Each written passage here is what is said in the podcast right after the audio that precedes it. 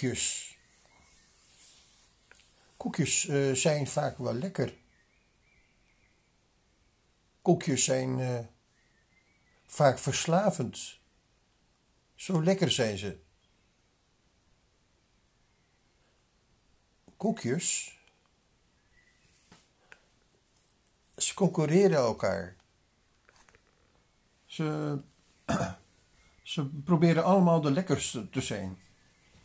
En wat is nou echt de lekkerste? Ja, over koekjes. Ik wil het deze keer even in deze podcast hebben over koekjes. Want zonder dat je het weet, ben je mm, ja, eigenlijk uh, gewikkeld in een strijd. Een strijd van allemaal koekjes die de lekkerste willen zijn. De allerlekkerste koekjes. En ja, wat is nou eigenlijk het nadeel van koekjes?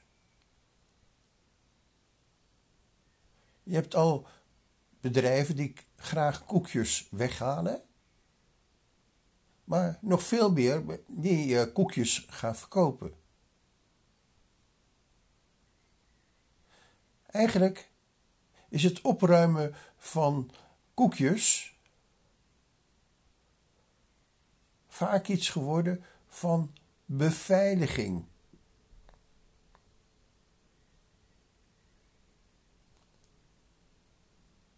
Het is een vreemd geheel eigenlijk. In koekjes zit veelal suiker. Van suiker weten we dat het niet gezond is. Ik heb me zelfs eens laten vertellen dat wanneer ja, je suiker op de markt zou brengen via huidige normen en waarden, het helemaal niet toegestaan zou worden om het te produceren. Suiker is in één woord heel erg slecht.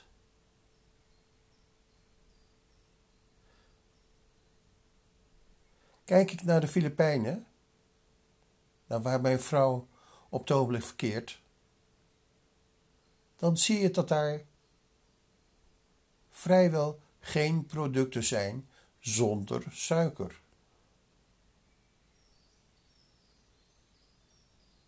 Overal zit suiker in.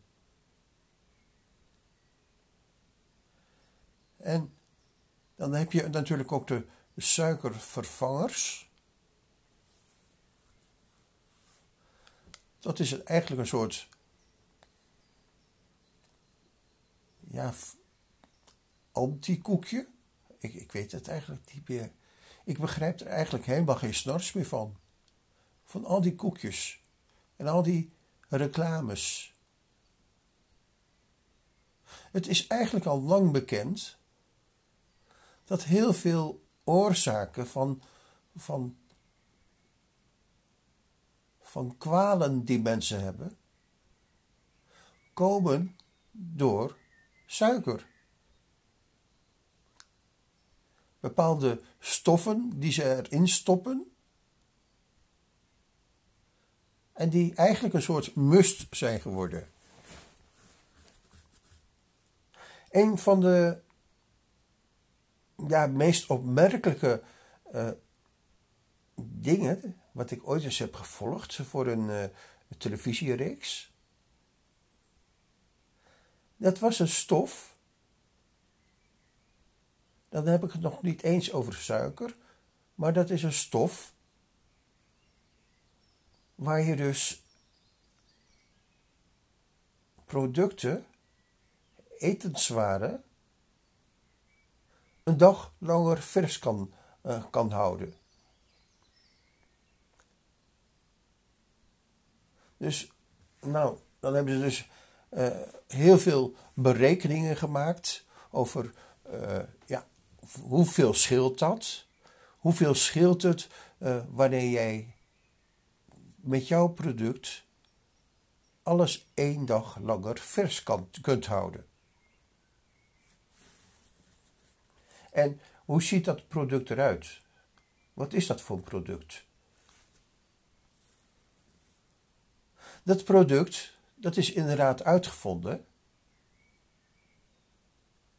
En dat ja, is een soort magische samenstelling, moet het zijn. En het wordt uh, voornamelijk geproduceerd in China. Toen ik dat vernam, ja, was ik natuurlijk nieuwsgierig van hoe, wat is dat dan? Hoe gaat dat dan? Waar doen ze dat dan van? Waar maken ze dat van?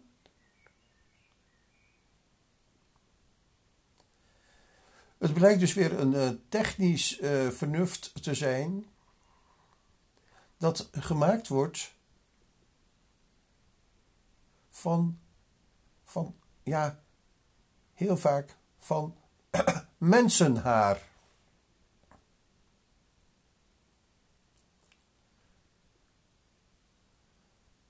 Mensenhaar, dat schijnt een bepaalde stof in zich te hebben. De technische details weet ik niet. Ik, ik ken dat helemaal niet. Maar de, degene die, die eigenlijk overtuigend op mij overkwam, was een bakker. Een bakker die uitgenodigd was door de programmamaker. En die dus gewoon is om brood te bakken. Die werd voor de keuze gesteld: kan je tegenwoordig nog,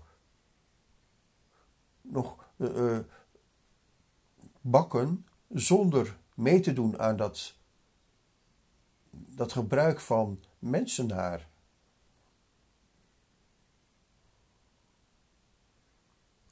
Zijn conclusie was dat het heel erg moeilijk is.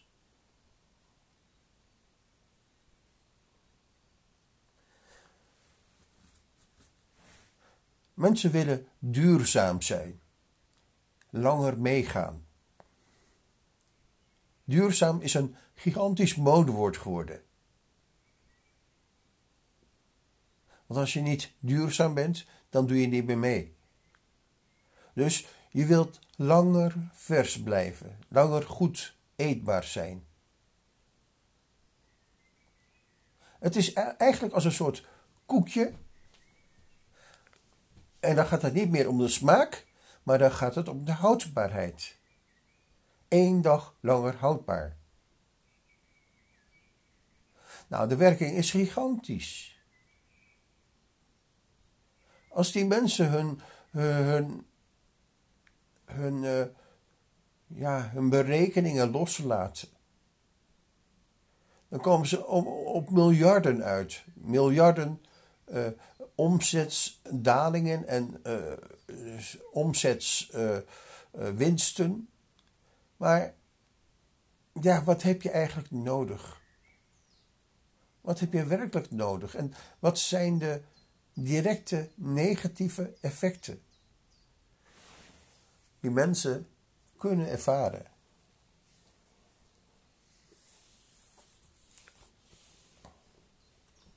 Van één product heb ik eh, vrij veel onderzoek gedaan. En zelfs de bedenker van dat product zou eens gezegd hebben dat, dat hij dat product gemaakt had in samenwerking met de farmaceutische industrie.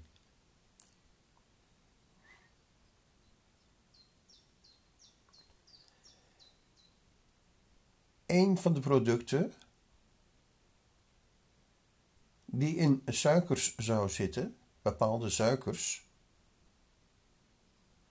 dat zorgt ervoor dat mensen heel erg druk en heel erg actief worden.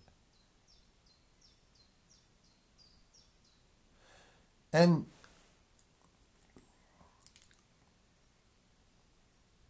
dat bleek massaal dus al een probleem geworden te zijn.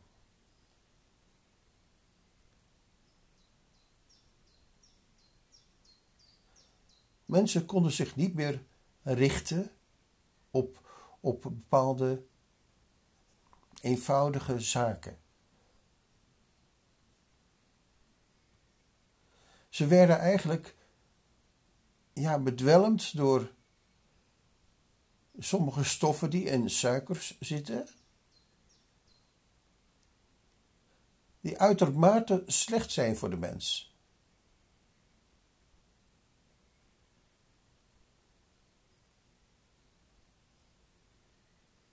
En die uitermate slechte eh, dingen die in voedsel zitten, ja, die, die blijven maar groeien. Het zijn net koekjes waar mensen mee beginnen te eten en ze niet meer kunnen stoppen. Misschien ken jij dat ook. Bepaalde snoepjes of dropjes of koekjes. En als je er eenmaal aan begint, dan kan je er niet meer mee ophouden. Ik kan me goed herinneren dat ik een filmpje heb opgenomen van, mijn, van een vroegere vriendin. En dat ging eigenlijk daar ook over. Dat ging over, uh, ja, zij was stapelgek op van die uh, ja, schuimblokken. Uh, snoep, een bepaald soort snoep. Dat is eigenlijk, als ik er terug aan terugdenk, is dat een heel zinvol filmpje geweest wat ik heb opgenomen. Ik zou het misschien nog eens een keertje moeten achterhalen. Maar dat ging dus over dat zij zichzelf volstopt met snoep. Ik geloof dat ze het ook de snoepjesmonoloog noemde. En daar had ze eigenlijk de kern te pakken van waar het gewoon misloopt. Zij had kunnen ervaren dat ze er bijna niet meer was geweest door een slechte eetgewoonte.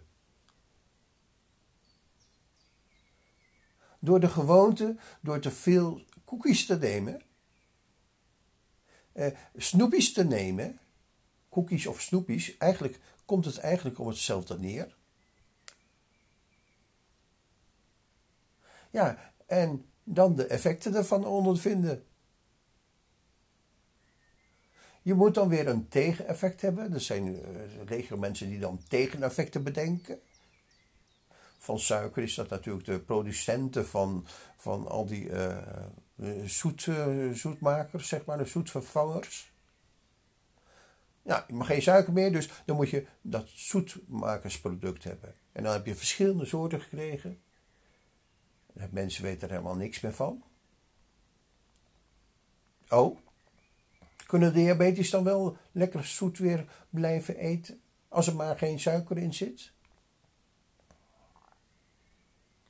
Het wordt zo gecompliceerd en zo ontzettend moeilijk gemaakt. Maar de meeste problemen ontstaan misschien wel doordat, doordat er zoveel beveiliging bestaat. En beveiliging, dan heb ik het even niet over uh, werkelijke veiligheid, nee, dan bedoel ik de, de, het winstbejag van mensen die erop zijn, uit zijn om jouw product op te nemen. Dus nog een keer heel langzaam.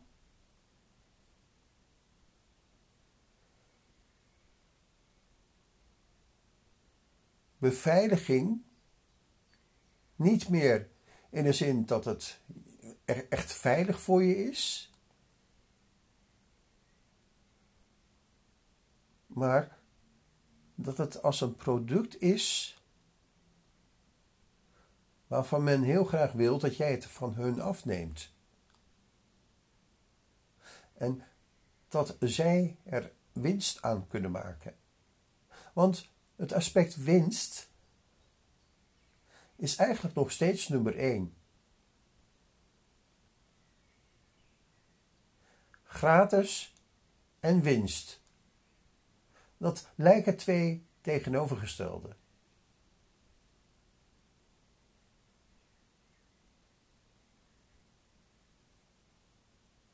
En gratis is al lang bekend als een, het, grote lokkertje voor alle mensen.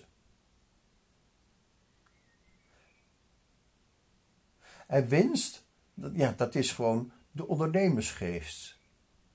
Dat je winst maakt uit, uit iets wat je verkoopt. En toch staat dat in strijd met elkaar heel erg veel. In Nederland kent men het begrip winst.nl.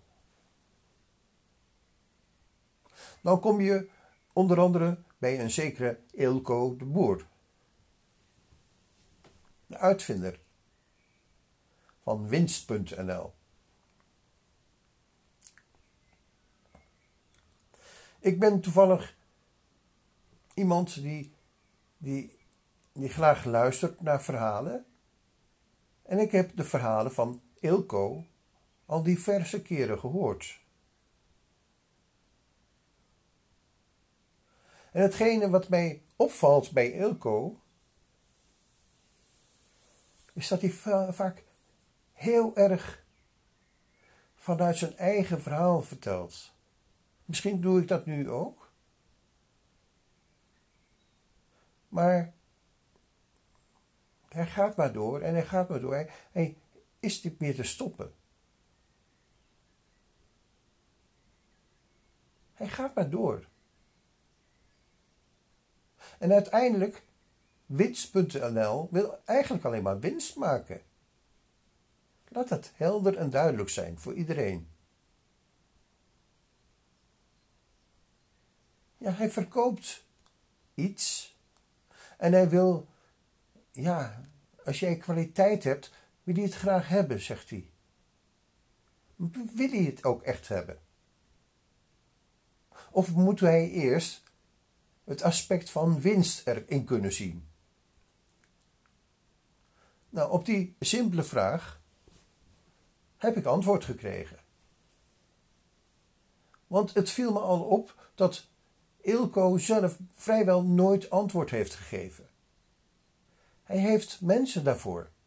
Mensen die hem antwoord geven. Die mensen die, die, die zijn al lang vervreemd bij persoonlijk contact. Het zijn eigenlijk schimmen geworden. Ze bestaan helemaal niet meer. Ze hebben te maken met een, met, met, met een grote mechanismes. En als je ze persoonlijk te spreek wilt krijgen, dan moet je daar heel veel voor betalen.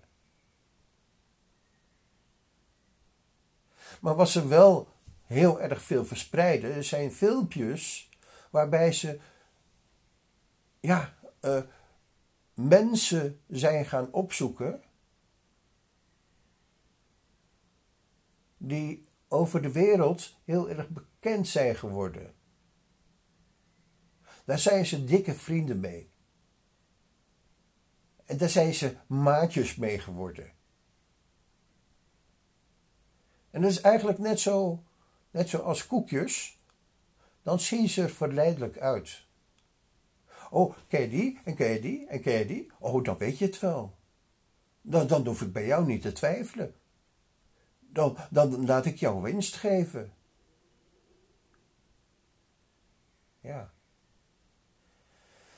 Mensen, dit is het, uh, de wereld waar we in we leven. We leven in een wereld vol met koekjes. En al die koekjes gaan we ook niet meer in het Nederlands uitspreken. We, we, gaan daar andere uh, buitenlandse woorden voor gebruiken, want dan klinkt het beter en interessanter. Want ja, ja koekje, dat op zijn Nederlands uitgesproken dat is natuurlijk cookie. In het uh, populair Engels uitgesproken. Cookies. En dan denk ik gelijk aan het Cookie Monster. En dan denk ik ook gelijk aan het Cookie Monster wat, uh, ja, wat ooit eens geloof ik meespeelde in het stuk Wachten op Godot voor Sesamstraat, het Cookie Monster. Er worden allemaal voorbeelden gemaakt, lachwekkende voorbeelden, eh, om mensen te vermaken. Maar eigenlijk kan het heel goed zijn dat die makers van die filmpjes en die spotjes eigenlijk maar één ding op een voorhoofd hebben staan, en dat is winst. Ze willen winst maken, zelfs met poppen. Ze willen poppen gaan verkopen alsof het echt is. En hoe, hoe, uh, ja, hoe mensen gemakkelijk zich laten verleiden, dat kan je zien aan een pop. Dat kan je gewoon zien aan een pop. Maak jij een pop, dan kan je daar een attribuut, van maken waar mensen in gaan geloven.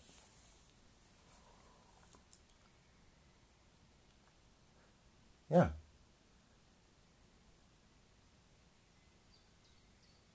Een, een, treffend voorbeeld vind ik altijd nog Pinocchio. Een stuk hout. Een stuk hout dat tot leven wordt gemaakt. En dat een eigen leven gaat leiden. Dit onderwerp dat, dat is dus heel erg veel toegepast in verhalen. Verhalen over, over poppen die tot leven komen. Ik denk gelijk aan de Coppelia van Delibes. Uh, als je van ballet houdt, dan ken je dat stuk. Maar er zijn nog veel meer verhalen waarbij ja, dat dode product opeens tot leven komt. Maar waar het dode product vandaan komt, ja, dat, het heeft te maken met iets dat jij toelaat in je geest. Met je geest kan jij je richten op bepaalde hoekjes. Maar je kunt je ook richten op snoepjes natuurlijk. Je kunt je richten op dingen die je verleidelijk vindt, waardoor jij verleidelijk verleid wordt. En je kunt je ja, richten op zoveel dingen. En eigenlijk is het grootste makke van, uh, van, van deze tijd aandachtstekortstoornis. Dus dat je eigenlijk zo overweldigd wordt door te veel prikkels dat je er bijna niet onderuit komt, dat je een aandachtstekort krijgt om alles nog te kunnen onderzoeken. En iedereen wil maar zeggen en aanwijzen, die kant moet je gaan en die kant moet je gaan en daar moet je naartoe.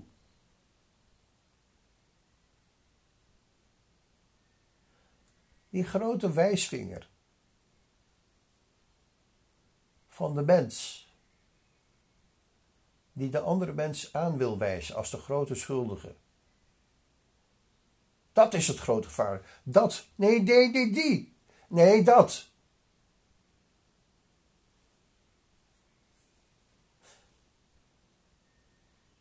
Eigenlijk kan je ook zeggen dat de naam God of Jezus Christus door, door dit gegeven vaak als een ja, een, een niet zuiver gegeven naar buiten komt. Omdat mensen die wijsvinger gaan gebruiken om te zeggen: zo is het.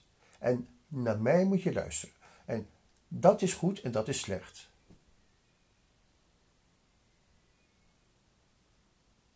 Dan gaat het al heel gauw om macht. We, we hebben dat gezien in een van de grootste uh, en meest rijke organisaties van Italië, Rome. En dat weet ik al heel lang. Rome, de hele stad Rome, werd langere tijd beheerst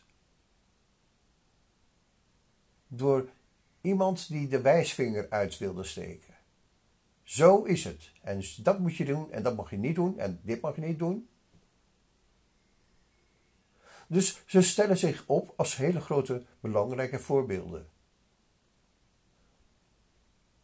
Maar wat doen ze met datgene waar ze uh, de, de, de, de vertegenwoordigers van uh, denken te zijn?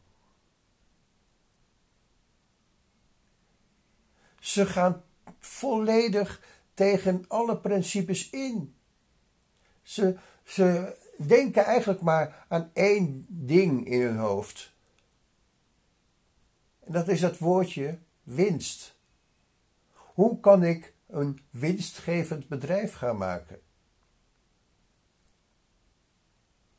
Ja, dan moet je maar eens uh, wat uh, principes overboord gooien. Dan moet je dan, ja, dan, dan, dan ja, je sterren, die moet je gewoon goed blijven bestuderen. zwarte magie, daar moet je ook goed mee bezig blijven. En ook, ja, dingen waar mensen maar, alles, alle beelden waar mensen echt ten goede van, van het geloof, van het geloof van hun wijsvinger. ja, daar moet je in gaan geloven. Dat is tastbaar en dat kan je meenemen en dat moet je kopen. En dan denk ik gelijk aan een plaats waar ik toch wel uh, nieuwsgierig naar ben geweest, waar ik ook geweest ben, samen met mijn vader ooit eens. En dat is ergens in het zuiden van Frankrijk. En ik ben de naam even helemaal vergeten, maar uh, ja, de, daar is een plaats met een, heilige, zogenaamde heilige plaats waar, waar heel veel mensen naartoe gaan. Die, en die allemaal gewezen worden naar die plaats. Als je naar, naar die plaats gaat, dan word je beter. En eh, ja, dat, uh, dat geloof dat is zo sterk geworden. Dat mensen dat massaal gingen doen. Er werden hele reizen georganiseerd. Eigenlijk uh, hetzelfde als je eh, in, in de plaats Tiel van Nederland had. Uh, waar op een gegeven moment een, zekere Jomanda ja, een grote populariteit won. Is dat ook gebeurd in dat zuiden van Frankrijk? Er was ook zo'n plaats. En, en daar zou de heilige Maria gesproken of gehuild hebben, ik weet het niet. Maar dat gegeven, dat dat mensen uh, ervan hebben gemaakt. En uh, ja, die eigenlijk uh, verkocht worden als, ja, zeg maar, winstmakers. Ja, dat draait nog steeds de hele wereld op. Dus moet je gewoon in de gaten houden van wat neem ik tot mij en je kunt het bijna niet voorkomen. Het is vrijwel onmogelijk geworden om geen suiker te nemen. In Nederland gaat het dan nog, wel iets beter dan in de Filipijnen. Maar je moet jezelf dus heel erg veel onthouden. De verleiders, de winstmakers, die zijn zo gigantisch corrupt. Het staat bekend dat de corruptie van, van dat grote Vaticaan, dat die heel veel ge, geopereerd hebben door, door echt criminaliteit. Ja, misschien denk je dat uh, de Godvader een sprookje is, maar dat is het niet. De Godvader is wel degelijk op waarheid gebaseerd. De grootste misdadigersorganisatie is verwant met de Rooms-Katholieke Kerk. Natuurlijk heb je uitzonderingen. Mensen die eigenlijk, maar dat zijn heel vaak mensen die, die eigenlijk weer, ja, met die wijsvinger gaan wijzen. Ja, dat moet je gewoon dus niet doen en dat moet je niet doen en dat moet je niet doen. Maar de praktijken bleken elke keer weer dat, ja, dat er toch ook weer heel veel onderzoeksresultaten bleken dat, dat er heel veel dingen verkeerd gaan, omdat mensen die regels hebben gemaakt.